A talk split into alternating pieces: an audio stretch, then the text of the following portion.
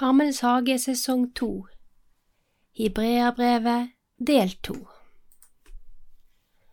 Forrige uke så hørte vi litt om utfordringen med å plassere hebreabrevet, både i forhold til tid, forfatter og sjanger. Vi leste de innledende kapitlene der Jesu stilling ble forklart for tilhørende, i hovedsak i forhold til englene og Moses. Nå leser vi videre siste del av kapittel fire og utover. Vi får høre mer om Jesus og hvordan han, som den store øverste presten, skiller seg fra alle øverste prester fra Levis stamme, de prestene som hadde tjent det jødiske folket i mer enn tusen år. Det må ha vært nokså sjokkerende for jødiske skriftlærde at man taler om en Gud som er blitt menneske, og som lider med oss i vår svakhet. Ja, vi vet jo at det var så sjokkerende at de fikk ham henrettet. Det var aldeles uhørt. Ingen av de antikke religionene hadde noe som lignet. Jesus var altså Gud og menneske, og kjente til alt det menneskelige dog var han uten synd. Her har vi en fotnote i den svenske katolske forklaringsbibelen, som jeg siterer. De viser til dette uten synd, at det finnes både i Første Peters brev 2.22 og i Første Johannes brev 3.5, og de viser også til katekismens punkter 612 og 2602. Dette stedet siteres i den kristologiske avgjørelsen ved konsilet i Kalkedon i 451, katolske katekismen 475, og gjentas i alle kirkelige uttalelser som bekjenner Sønnens fulle menneskelighet. Sitat slutt. Kristus er ikke bare en totalt annerledes ypperste prest, et menneske uten synd. Han representerer også et totalt annerledes prestedømme. Igjen siterer vi en note i den svenske forklaringsbibelen. Jesu prestelige dimensjon var ikke opplagt. Forfatteren tar utgangspunkt i Salme 2, 7, der kongen beskrives som Guds adopterte sønn, samt Salme 110, 110,4, der det legges til rette for et noe unikt krav i GT, nemlig at den davidiske kongen er prest, en arvtaker, ikke fra Aron, men fra Melkisedek. I Kristus er et kongelig og universelt presteembete etablert, overordnet det levittiske prestedømmet. Katekismen 1544 Sitat slutt. Ikke er han bare en totalt annerledes prest, han er en fullkommen prest. I jødisk tradisjon var jo den store forsoningsdagen den dagen man ofret blod fra dyr for å sone for folkets synder, og ypperstepresten gikk inn i det aller helligste. Ypperstepresten måtte først sone for seg og sine før han kunne gå inn bak forhenget. Han kunne på grunn av sin syndige menneskenatur kun være der en kort stund, og altså bare én gang i året.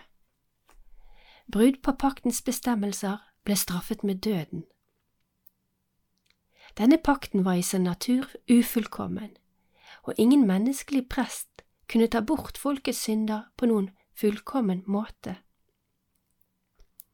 Hebreabrevet forklarer at Jesus er den fullkomne prest. Det blod han ofrer, er ikke fra dyr, det er sitt eget blod. Han ofrer seg selv, og han gjør det én gang for alle. Han gjør det fullkomment. Og i notiden svenske bibelen står det at ordet fullkomment, på gresk teleios, er beslektet med Jesu ord på korset, det er fullbyrdet. Det er på korset, ved sin død, at Jesus blir vår evige ypperste prest. Og det bekreftes ved at forhenget til det aller helligste i Jerusalems tempel revner i to ved hans dødstime. Jesus stiger inn i det aller helligste, i himmelen, det fullkomne offer. Her lærer vi også noe som er et viktig poeng i hebreerbrevet, at det jordiske tempel er ufullkomment, kun et bilde på det himmelske, en skygge, som er ordet man bruker i den norske oversettelsen, og i åtte fem i hebreabrevet blir det skrevet ordet forbilde. Vi må nøye oss med skygger her på jorden for å få kunnskap om det himmelske.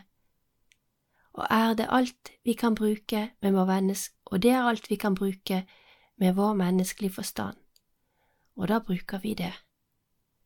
Og så har Jesus lovet oss at Helligånden skal opplyse oss videre. Ja, det har han lovet oss. Så kommer vi til Melkisedek, den sentrale figuren i disse kapitlene. Det teologiske om ham blir forklart i teksten, så det går vi ikke inn på her. Kun litt ekstra informasjon som jeg har funnet i Ignatius Catholic Study Bible, og som kan være bakgrunnsinformasjon når vi skal lytte til hebreabrevet. Det er tross alt bare to sitater om ham i Det gamle testamentet, og det er i Første Mosebok kapittel 14 og Salme 110. Ignatius Catholic Study Bible forklarer, og det er min oversettelse. 1. Han, altså Melkisedek, er den første person i Skriften hvor benevnelsen prest brukes. Første Mosebok 1418. Faktisk den eneste i Mosebøkene hvor benevnelsen prest for Gud den høyeste er brukt. De andre som bærer denne tittelen prest i Mosebøkene, er hedenske prester. 2. Han identifiseres som konge av Salem i Salme, og Salme 76 gjør det klart at dette er Sion, Jerusalem, det snakkes om. Så han stammer fra det stedet som skulle bli den israelittiske religions fremste åndelige senter og den politiske hovedstaden i det davidiske kongedømmet. Og han stammer fra evig tid, siden han ikke har noen slektstavle, noen mor eller noen far. Slik var den jødiske tolkningen av ham, det som ikke var skrevet, eksisterte ikke. 3. Melkisedek er prest for Abraham, ikke kun en som velsigner ham. Han bærer frem brød og vin i forbindelse med et takkoffer gitt til den høyeste, Gud, og Abraham gir ham tiende. Begrepet på Melkisedeks vis, eller slik det skrives i 2011-versjonen av samme slag som Melkisedek, fremkommer fem ganger i de kapitlene vi skal lese, og krever kanskje en liten forklaring. Igjen benytter jeg meg av Ignatius Catholic Study Bible. Uttrykket tatt fra Salm 110, og uttrykket må ha vært oppsiktsvekkende for et jødisk folk, som altså i over tusen år hadde forholdt seg til et levittisk prestedømme. Hebreabrevets forfatter viser ved dette uttrykket til det opprinnelige prestedømmet før Mosetid. Det hadde sitt utspring i disse autoritetsforholdene man fant i familieklanene, der det var faren som var det åndelige overhodet og utførte religiøse ritualer. Melkisedek er patriark. Han har utøvende myndighet som konge og som prest. Med andre ord kan vi høre Peters ord og oppfordring til oss gjennom dette klinge i ørene. Vi tar med et lite sitat fra første Peters brev 2.9. Fordi, som, som hebreabrevet beskriver det, vi er Jesus søsken og inkludert i dette presteskapet. Og Peter skriver, Men dere er en utvalgt slekt, et kongelig presteskap. et hellig folk, et folk som er Guds eiendom, for at dere skal forkynne Hans storverk, Han som kalte dere fra mørket til sitt underlys, underfulle lys. Før vi begynner lesningen av Hebreabrevet, skal jeg lese Salme 110 for dere, fordi den er sitert så mange ganger i det vi skal lese, og jeg leser den som er så kjent og kjær for meg fra tidebønnene, så jeg leser oversettelsen som står i den katolske kirkes tidebønnsbok. Herren sa til min Herre, sett deg ved min høyre hånd, til jeg får lagt dine fiender til skammel for dine føtter. Ditt veldes kongestav skal Herren utstrekke fra Sion, du skal herske blant dine fiender. Kongsmakten er din på din veldes dag, i din helliges herlige lysglans. Fra morgenstjernen har jeg født deg av mitt kjød. Herren har svoret, og han angrer det ikke. Du er prest på Melkisedeks vis til evig tid. Herren ved din høyre hånd knuser konger på sin vredes dag. Han drikker av bekken på veien, derfor løfter han høyt sitt hode. Amen. Vi ber. Kom, Hellige Ånd, Fyll dine troendes hjerter og tenn i dem din kjærlighetsild. Du som gjennom de mangfoldige tunge mål samlet alle folkeslag til troens enhet. Send ut din ånd, og alt skal bli omskapt, og du fornyer jordens åsyn. La oss be. Gud, du har opplyst de troendes hjerter ved Den hellige ånd. Gi oss at vi ved din ånd kan glede oss over det som er rett, og alltid bli lykkelig ved Hans trøst. Ved Kristus, vår Herre. Amen. Vi fortsetter lesningen fra Hebreabrevet, og denne gangen starter vi ved siste del i kapittel fire, under overskriften Jesus, den store øverste presten. Siden vi har en stor øverste prest som har gått igjennom inn igjennom himlene, Jesus, Guds sønn, så la oss holde fast ved bekjennelsen. For vi har ikke en øverste prest som ikke kan lide med oss i vår svakhet, men en som er prøvet i alt på samme måte som vi, men uten synd. La oss derfor frimodig tre frem for nådens trone, så vi kan finne barmhjertighet og finne nåde som gir hjelp i rette tid. En øverste prest blir alltid valgt ut blant mennesker og innsatt for å gjøre tjeneste for Gud på vegne av mennesker. Han skal bære frem gaver og offer for synder. Han kan vise mildhet mot dem som er uvitende og farer vill, fordi han selv er underlagt svakhet og derfor må bære frem syndoffer også for seg selv, ikke bare for folket. Ingen tiltar seg denne verdigheten selv, men han blir kalt av Gud, slik som Aron. På samme måte har heller ikke Kristus gitt seg selv den ære å være øverste prest. Han fikk den av Gud, som sa til ham, Du er min sønn, jeg har født deg i dag. Slik, også, slik sier han også et annet sted, Du skal til evig tid være prest av samme slag som Melkisedek. Da Jesus levde som menneske, bar han frem bønner og nødrop med høye skrik og tårer, til ham som kunne frelse ham fra døden, og han ble bønnhørt fordi han var gudfryktig. Enda han var sønn, lærte han lydighet ved å lide. Da han hadde nådd fullendelsen, ble han opphav til evig frelse for alle dem som adlyder ham. Han som av Gud, ble kalt øverste prest av samme slag som Melkisedek. Advarsel mot frafall Om dette har vi mye å si, men det er vanskelig å forklare siden dere er blitt så likegyldige til å høre. Etter så lang tid burde dere selv være lærere men dere trenger noen som på nytt kan lære dere det første og grunnleggende i Guds ord. Dere er blitt slike som trenger melk, ikke fast føde. For den som lever av melk, er et spedbarn og forstår seg ikke på budskapet om rettferdighet. Men fast føde er for de fullvoksne, de som ved å bruke sansene har øvd dem opp til å skjelne mellom godt og ondt. Kapittel 6 Derfor skal vi nå gå videre fra det første vi lærte om Kristus, frem mot full modenhet. Vi vil ikke på nytt legge grunnvollen om, om, med omvendelse fra døde gjerninger og tro på Gud, men undervisning om renselsesbad og håndspåleggelse, om de dødes oppstandelse og om evig dom.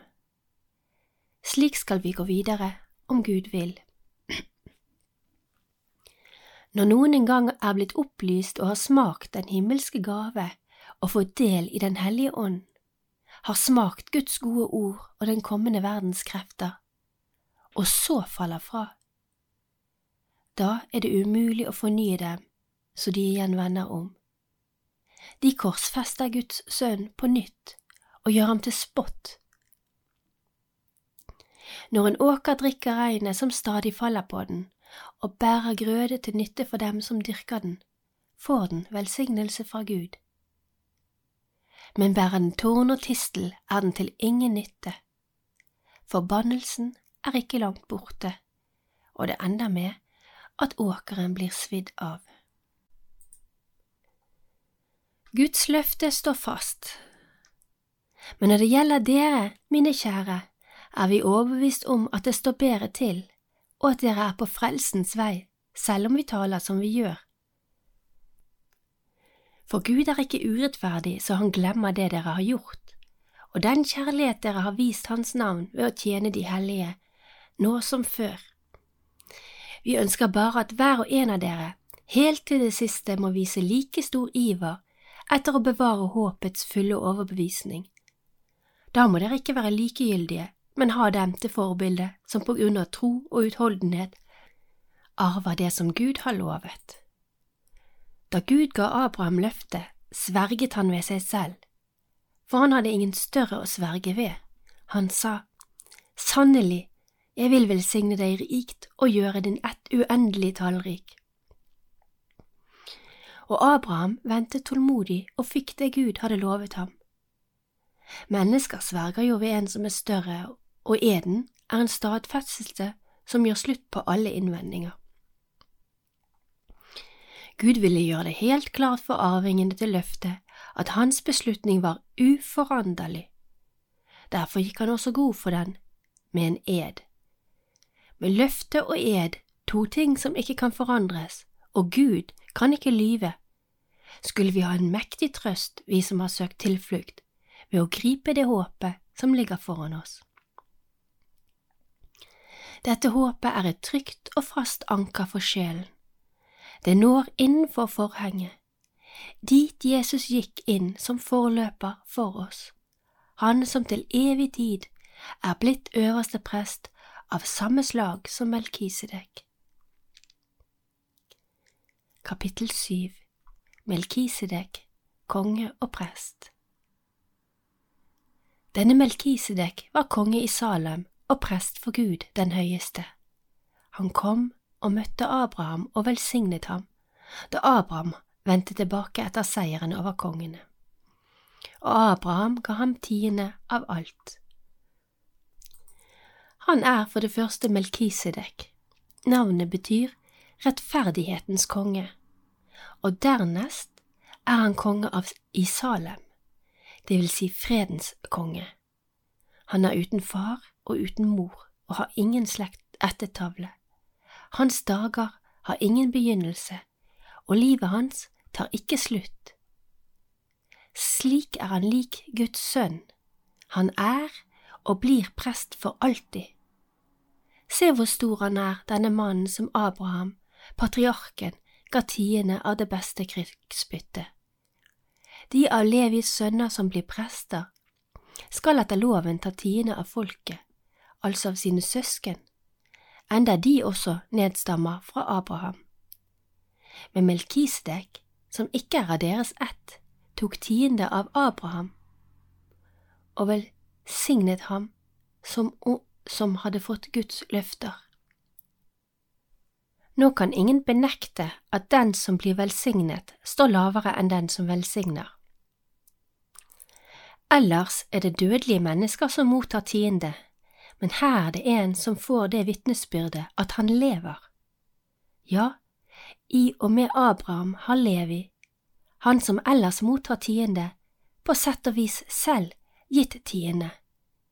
For ennå ufødt var han i sin stamfar da Melkisedek gikk i møte med ham. Prestedømme som ikke bygger på loven. Dersom fullendelsen kunne nås gjennom det levittiske prestedømmet, som folket var bundet til ved loven, hvorfor måtte det da komme en prest av et annet slag, en som kalles prest av samme slag som Melkisedek, og ikke som Aron?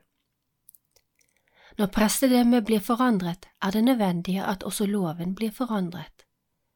For han det er tale om her, hører til en annen stamme, og ingen fra den stammen har gjort tjeneste ved alteret.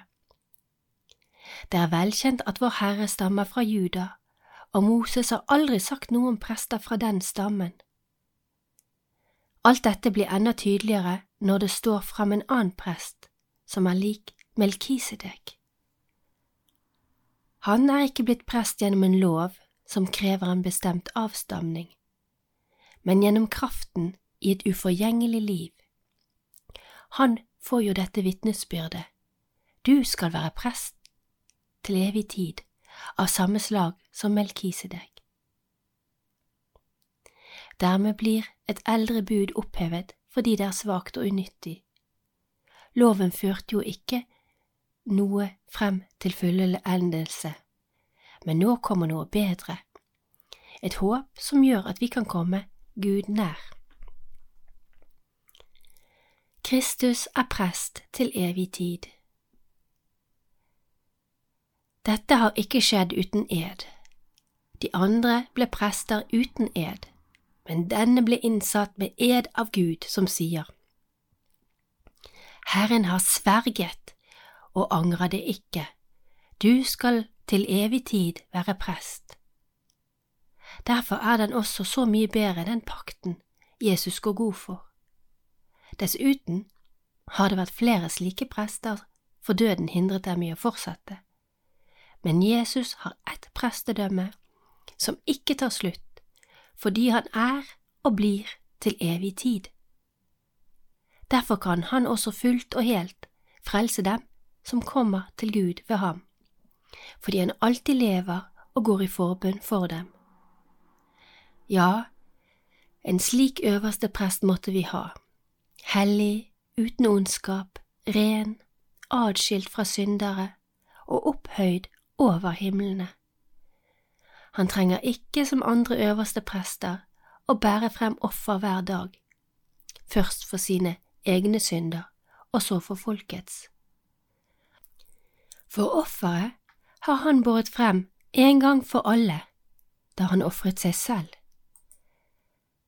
De som loven innsetter til øverste prester, er svake mennesker, men gjennom ordet som ble stadfestet med ed, og som kom senere enn loven, blir Sønnen innsatt, han som for evig har nådd frem til fullendelsen. Amen. Og jeg har lest fra Bibelselskapets 2011-oversettelse.